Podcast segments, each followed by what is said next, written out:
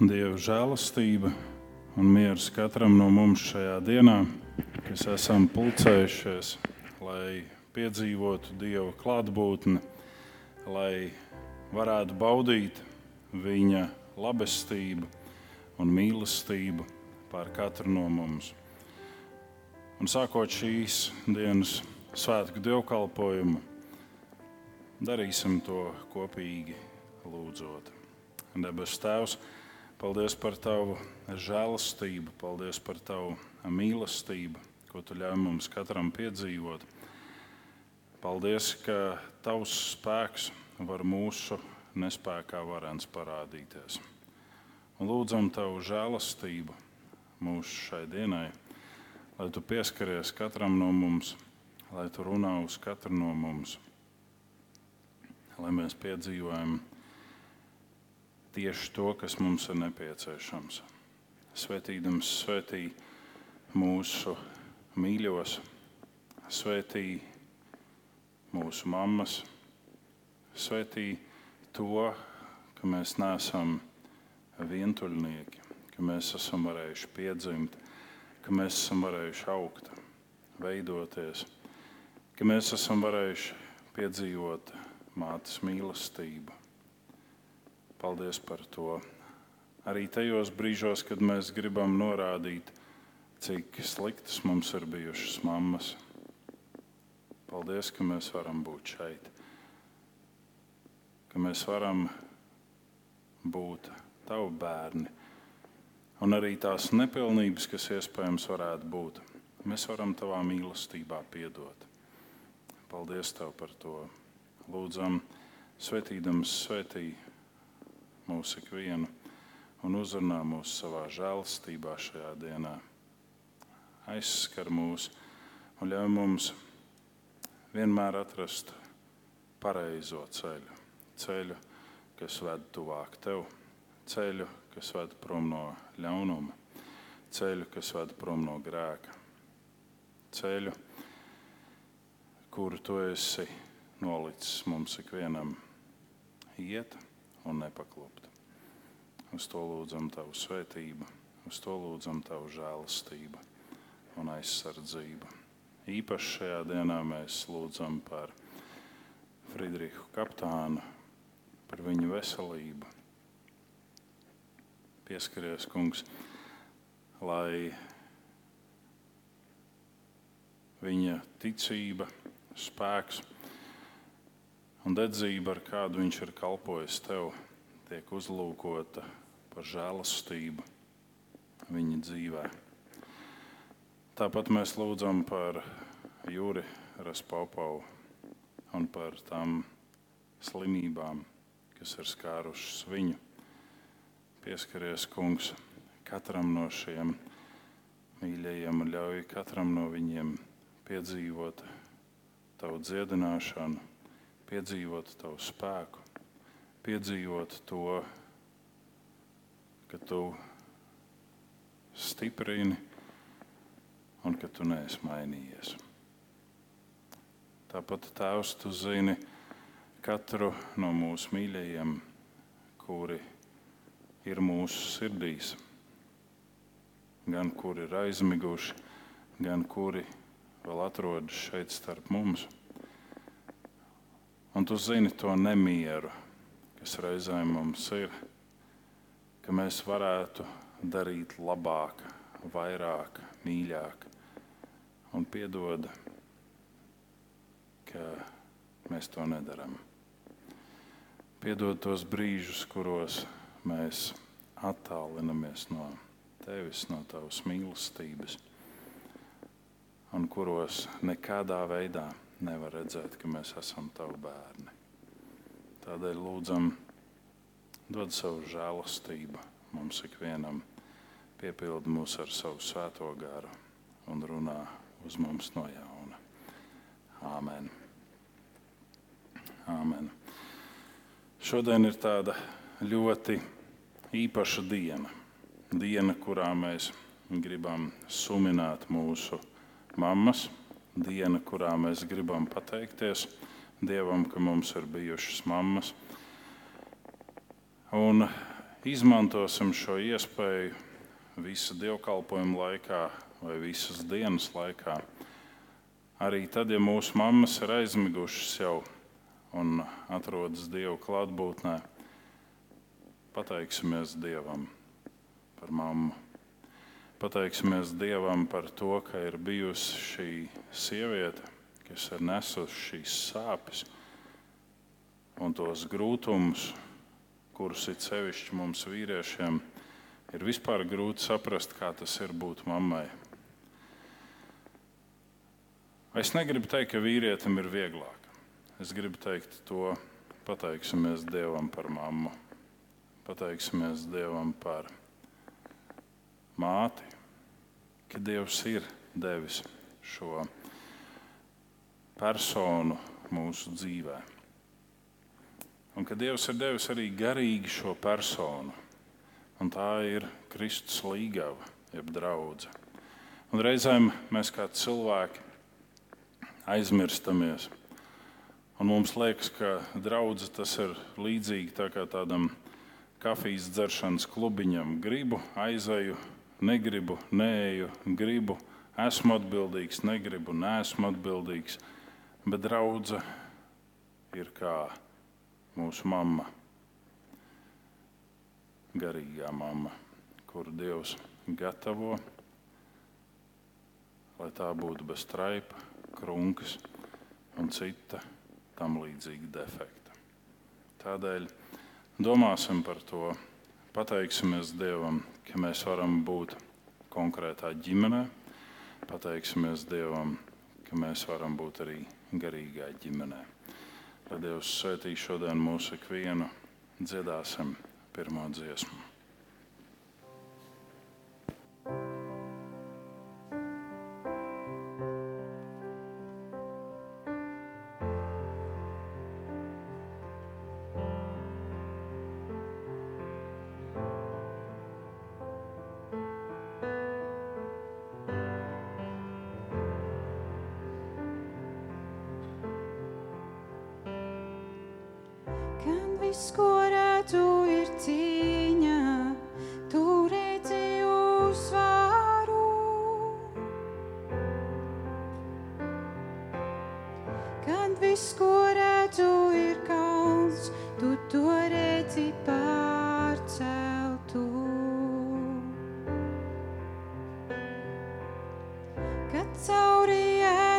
es eju, tu mīlošies kā.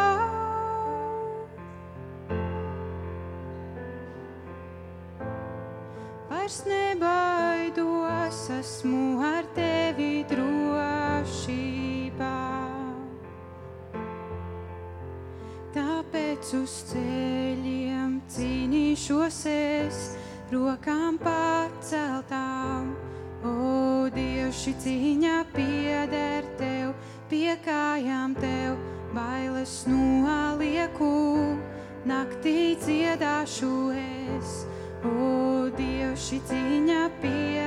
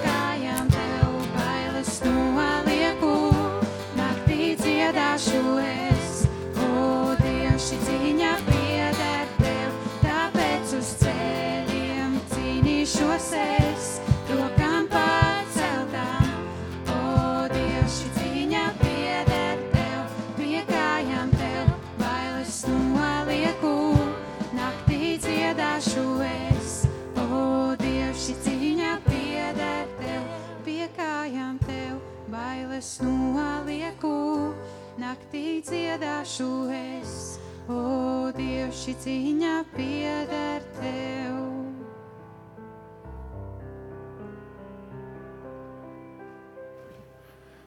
Patiešām šī cīņa un katra cīņa pieder tev, Dievs, kas esi uzlūkojis mūs no savas godības un apeltījis mūs ar savu neizsakāmo žēlastību. Paldies! Āmen! Šodien mēs lasām vairākas raksturvietas, precīzāk divas Bībeles lasījumā, kā draudzene. Tātad abas divas es mēģināšu šobrīd citēt. Pirmā ķēniņa grāmata, 21. nodaļa, 1 līdz 3 panti, un otrā ķēniņa grāmata, 10. nodaļa, 31. pants.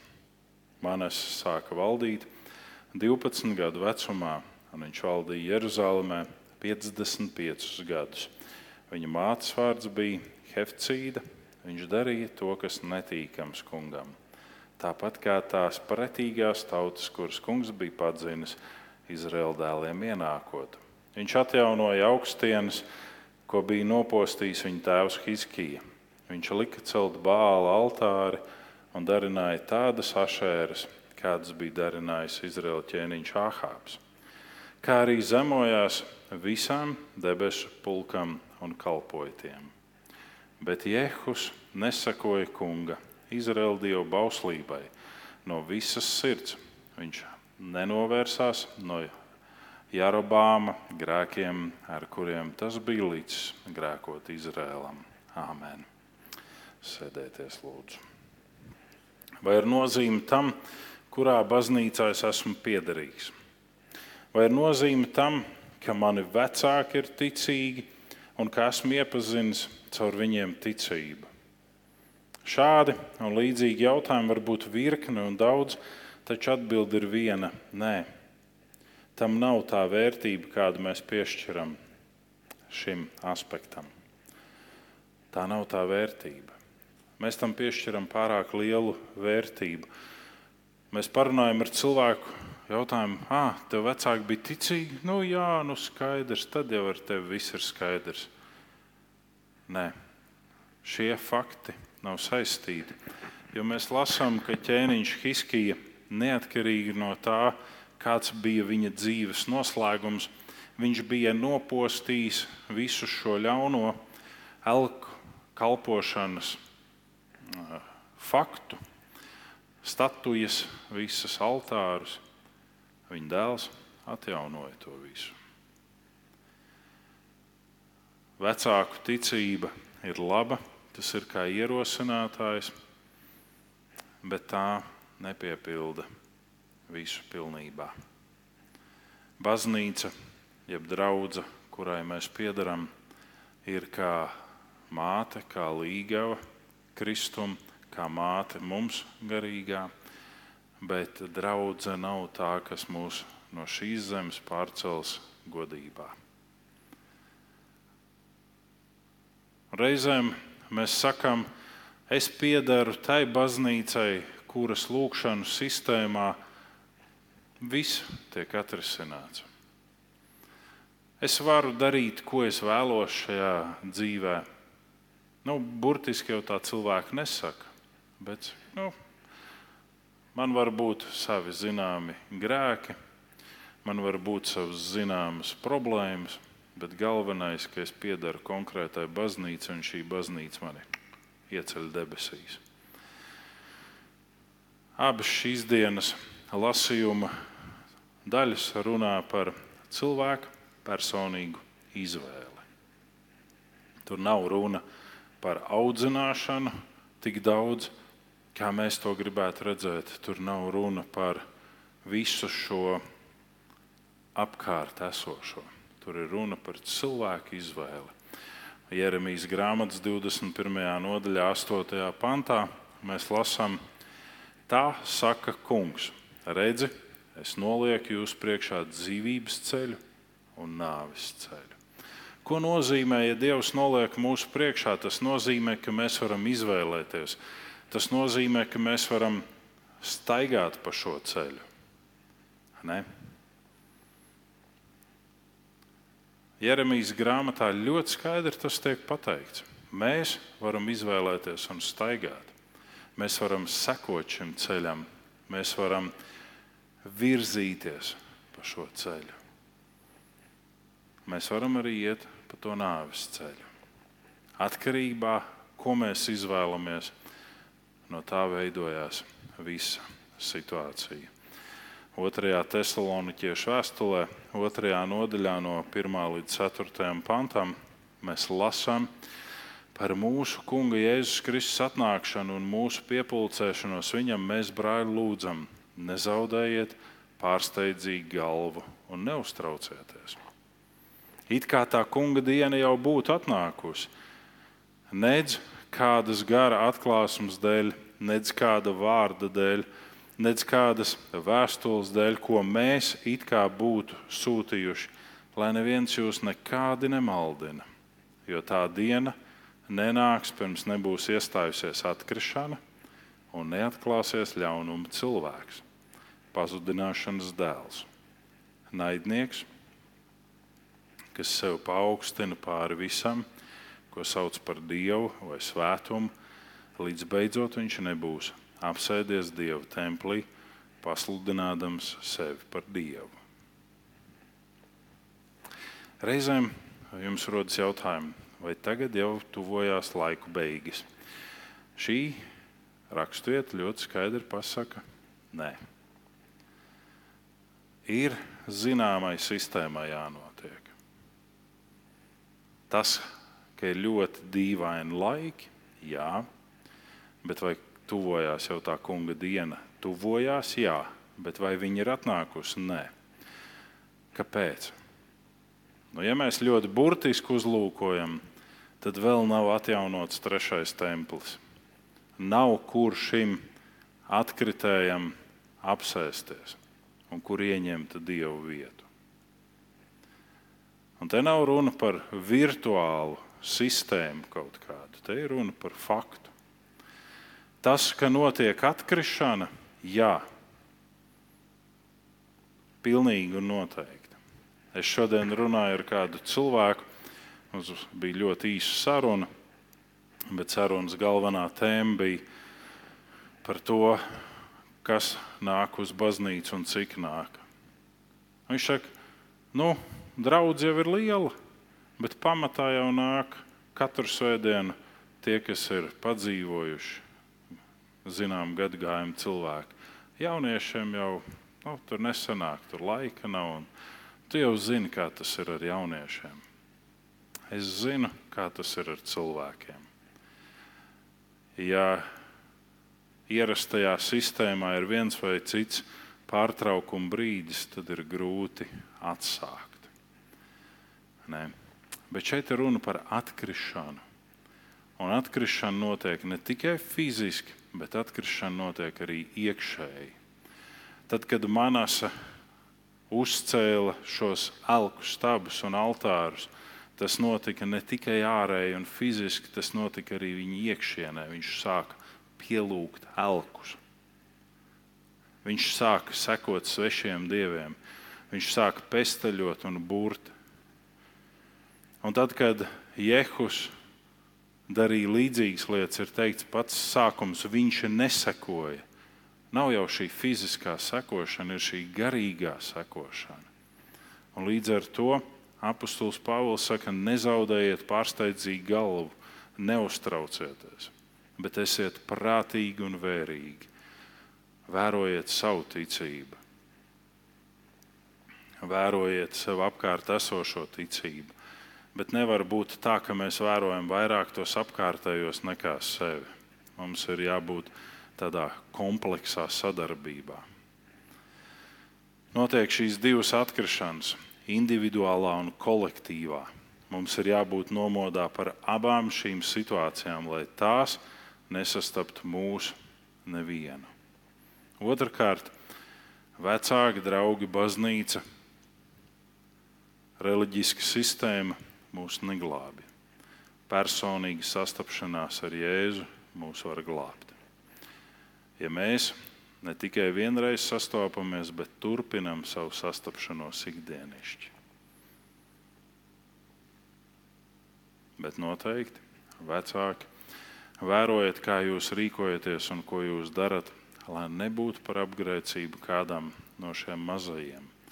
Un Jēzus to interesanti saka. Viņš saka,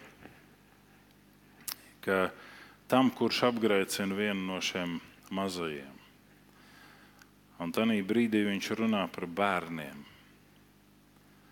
Un te nav runa par svešiem cilvēkiem, jo tad mēs sākam mērīt, kurš no mums ir mazāks un kurš ir lielāks. Te ir runa par bērniem. Un viņš saka, lai neviens šiem mazajiem nav par apgrēcību, jo tad, kad tu apgrēcini vienu no šiem vismazākajiem, tad būtu labāk, ka te uzkarinātu dzirnavu akmeni kaklā un nogremdētu jūras visdziļākajā vietā. Ko nozīmē apgrēcība mazajam? Nu, es domāju, primāri, ja tu nerādi viņam ar visu savu dzīvi šo sekošanas piemēru un savā dzīvē dzīves attiecības ar Dievu. Un dzīves attiecības ar Dievu ietver arī sevi formālu attiecību daļu, jo ne viss notiek tikai ekspromptum. Tā kā mēs runājām mazajās grupās, trešdien un ceturtdien, ko saka Ziglārs, noņemiet vilcienu no sliedēm, viņš būs brīvs, bet viņš nekur nevarēs aizbraukt. Ne? Mēs visi gribam brīvību, mēs gribam uh, anarhiju. Nē, ir sava rutīna, ir savi rituāli, bet ir sava brīvība tajā visā. Lai Dievs mūs svētī, ka mēs virzamies uz priekšu, prom no atkrišanas iespējamības. Kungs,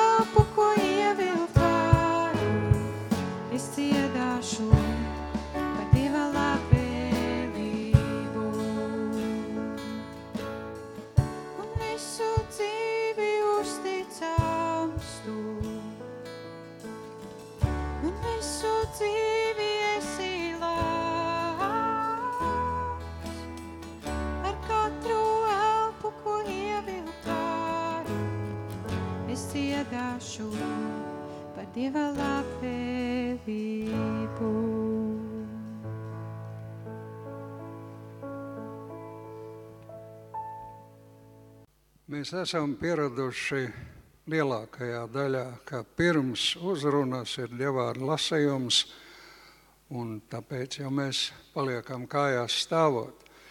Bet eh, šoreiz tas viss paliks, jo raksta vietas ir jums lapiņās, un mazliet būs arī atkāpe.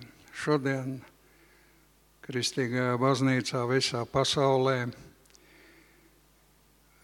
tiek darīts kāds ļoti mīļš un labs darbs. Izteikta pateicība mātei, ne sievietei, piedodiet, bet es tomēr ļoti gribu atdalīt. Ir ļoti daudz sievietes, kuras grib piedzīvot šo milzīgo svētību. Bet ne man šobrīd analizēt, ne arī jums, kāpēc viņām tas neizdodas. Vēl pavisam nesen, man liekas, šajā nedēļā internetā lasīju, ka kāda sieviete ieguvusi mātes prieku 53 gadu vecumā, nemākslīgi bet dabīgi. Beidzot tas ir noticis. Un, ko tas nozīmē? To tikai var pateikt māte. Kāpēc tik mīļas viņai ir negulētās naktis? Kāpēc viņas stundas diennaktī nav skaitījusi un neskaita? Un kāpēc? Kāpēc? Tad, kad viņas dēls, kuram ir 33 gadi, un viņš ir ievainots galvā, viņš sauc māti, lai viņas klēpī aizmigtu. Kāpēc? Kāpēc tas ir tik ļoti patīkami? Tie nav svētki, nav taisnība. Tie nav svētki, bet tā ir pateicība būt gatavai šādai lietai. Ak, mātes lūkšanās, kas augšā dzirdētās, vai tev ir tādas atmiņās no savas mātes lūkšanās.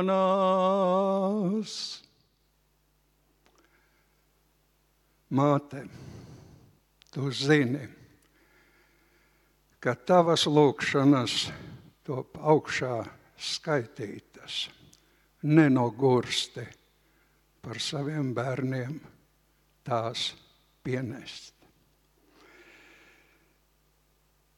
Bet, bet, ja tu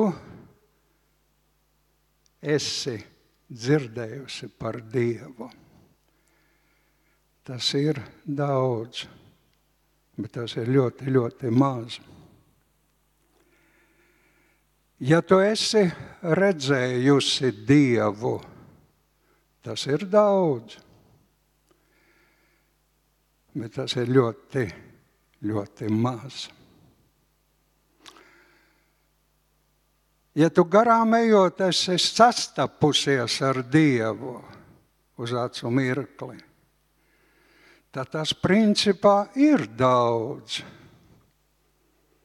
Bet jūs jau zināt, ko es teikšu tālāk. Tas ir ļoti, ļoti maz. Vismaz 12,000 ebreju tautas pārstāvji, izrēlieši, jūdi. Gan arī katru dienu, triju gadu garumā, redzēja Jēzu, dzirdēja Jēzu. Garām ejot ar viņu sastapās bet viņi arī bija pie krusta, kad Jēzus sita šī krustā. Kas tur pietrūka?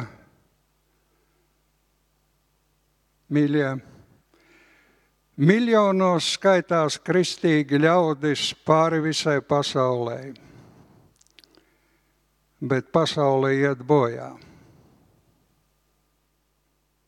Neapturami pasaule iet bojā tad kādā veidā šie kristieši, kādā veidā mēs esam sāls priekš pasaules?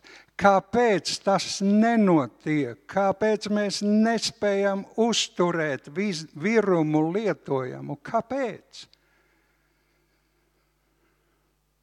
Prasot vienam un otram, kā veicās ar Bībeles lasīšanu, nu, nu, nu, nu, nu, nu zini, nu, nu nesanāk jau.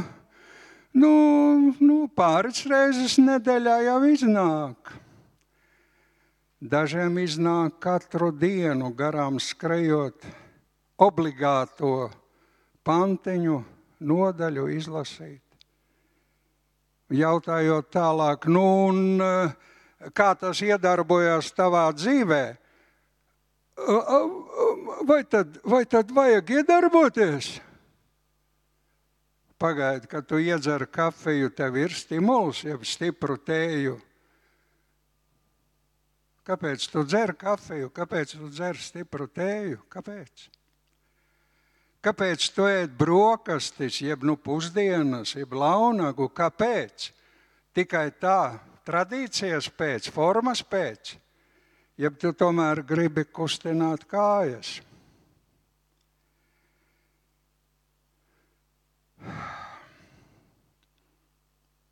Bībelē var redzēt Dievu.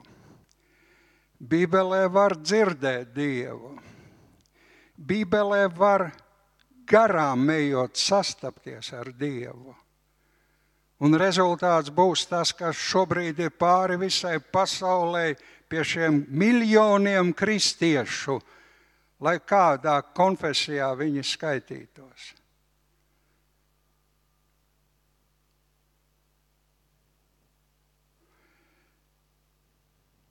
Nesatraucieties. Šodien ir ievada reize. Es gribu parādīt ar šo ievadu, cik ir svarīgi tas, ko mēs vēlāk mācīsimies. Personīgi sastapt ne Mariju, piedodiet, bet ne arī taisno tēvu dievu, bet tieši Jēzu Kristu, Dieva mīlestības izpausmi personīgi sastapt. Šodien šim faktam mēs tikpat kā nepieskarsimies, jo to nevar garām ejot apskatīt bet katrā nākošā reizē pēc iespējas centīšos jūs iepazīstināt ar tām personām Bībelē, kuras piedzīvoja šo sastapšanos un ko tas radīja. Tāpēc, ka šodien mēs pieminam māti, tāpēc viena nianse zīdainītiem, ko nozīmē sastapšanās ar māti. Vislabāk jau laikam to mums tieši mātes varētu līdzdalīt, bet nu gan jau tēvi arī apjauš. Ja zīdainītis tikai varētu redzēt māti, ja viņš varētu tikai dzirdēt, ka viņa te kaut kur telpā ir, un parētam viņa paslīdētu viņam garām. Cik ilgi šis zīdainītis dzīvotu? Milzīgs klusums telpā. Nu, redziet, mācītājs Uģis jau mūs mazliet uz to pavedināja. Draudze ir māte. Starp šiem diviem, starp šo zīdainīti un šo māti, ir jābūt personīgai satiksmei. Zīdainītam ir jāsaņem mātes glāstu un ne tikai. Viņam ir arī barības devu jāsaņem no savas mātes. Aprūpi, apkopi katram draudzes loceklim, kurš pieder pie draudzes ir tieši visu to pašu jāsaņem no draudzes. Un, protams, draudzene gaida šī zīdaiņa ilgas pēc mātes. Zīdainis dažādā veidā dod par sevi manīt. Es arī šeit esmu, man tevi vajag. Un te ir viena jau atbilde par šiem miljoniem visā pasaulē kristiešu. Dažiem divreiz gadā māte vajag, nu jūs saprotat, viņi jau ir miruši. Dažiem parētām mēnesī, lai tas paliek. Nav loģikas šīs attiecībās. Rezultāts nu, tāds, kāds ir. Kur tad ir tavs dievs? Bet tā nebija Abrāmam, tā nebija Izākam. Tie ļaudis, kas darīja pāri viņiem, kādā brīdī dzirdot, ka viņi grib šo vietu atstāt un doties prom, nāca un teica: Nē, nē, prom gan neiet, jo mēs zinām, kā ar jums ir Dievs. Un ja jūs aiziesiet, arī jūsu Dievs aizies. Un to nu nē. Mums pietiek ar to, kas jums paliek no Dieva pāri. Vai tavi kaimiņi tā saka? Vai viņi var apliecināt, ka ar tevi Dievs ka tu esi ar Dievu sastapies, ka tu baudi no Dieva un ka šī sastapšanās nav reize nedēļā, bet katru rītu, katru pusdienas laiku, katru vakaru, katru nakti. Tu esi ar Dievu. Laiks nežēlīgi steidzas. Ko tas nozīmē? Sastapties personīgi.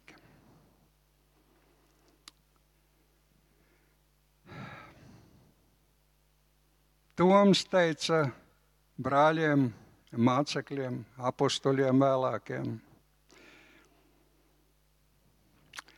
Ja es nevaru savu pirkstu likt viņa roku brūcēs un savu roku viņa sānos, es neticēšu. Mēs, vismaz es agrāk, ļoti mīlēju šī vietā teikt, fuj, šobrīd es to vairs nevaru. Tā ir vienīgā iespēja patiesi sastapt Jēzu Kristu. Tā ir vienīgā iespēja reāli viņam noticēt. Ielikt savu pirkstu viņa naglurētās, savu roku viņa sānos, lai nekad vairs neņemtu ārā. Jēkabs sastop personīgi Dievu. Un viņš vairs nav Jēkabs, viņš ir Izraēls. Viņš vairs nevar staltīt, viņam ir jāklibo, jo pat viņa miesa atzīmē šo sastapšanos. Gūža ir izmežģīta. Pāvils, ko tu mani vajā? Kas tu tāds esi? Es esmu tas, ko tu vajā. Un mēs zinām, ka visu atlikušo mūžu Pāvila redzē ir ļoti, ļoti traumēta. Pāvils lūdz Dievu septiņreiz. Viņš saka, Dievs saka, tev pietiek ar manu žēlastību uz visu mūžu. Tu esi gatavs sastapties. ar Jēzu Kristu. Tu negribi to, kas nāks līdzi šai sastapšanās situācijai. Es gribu.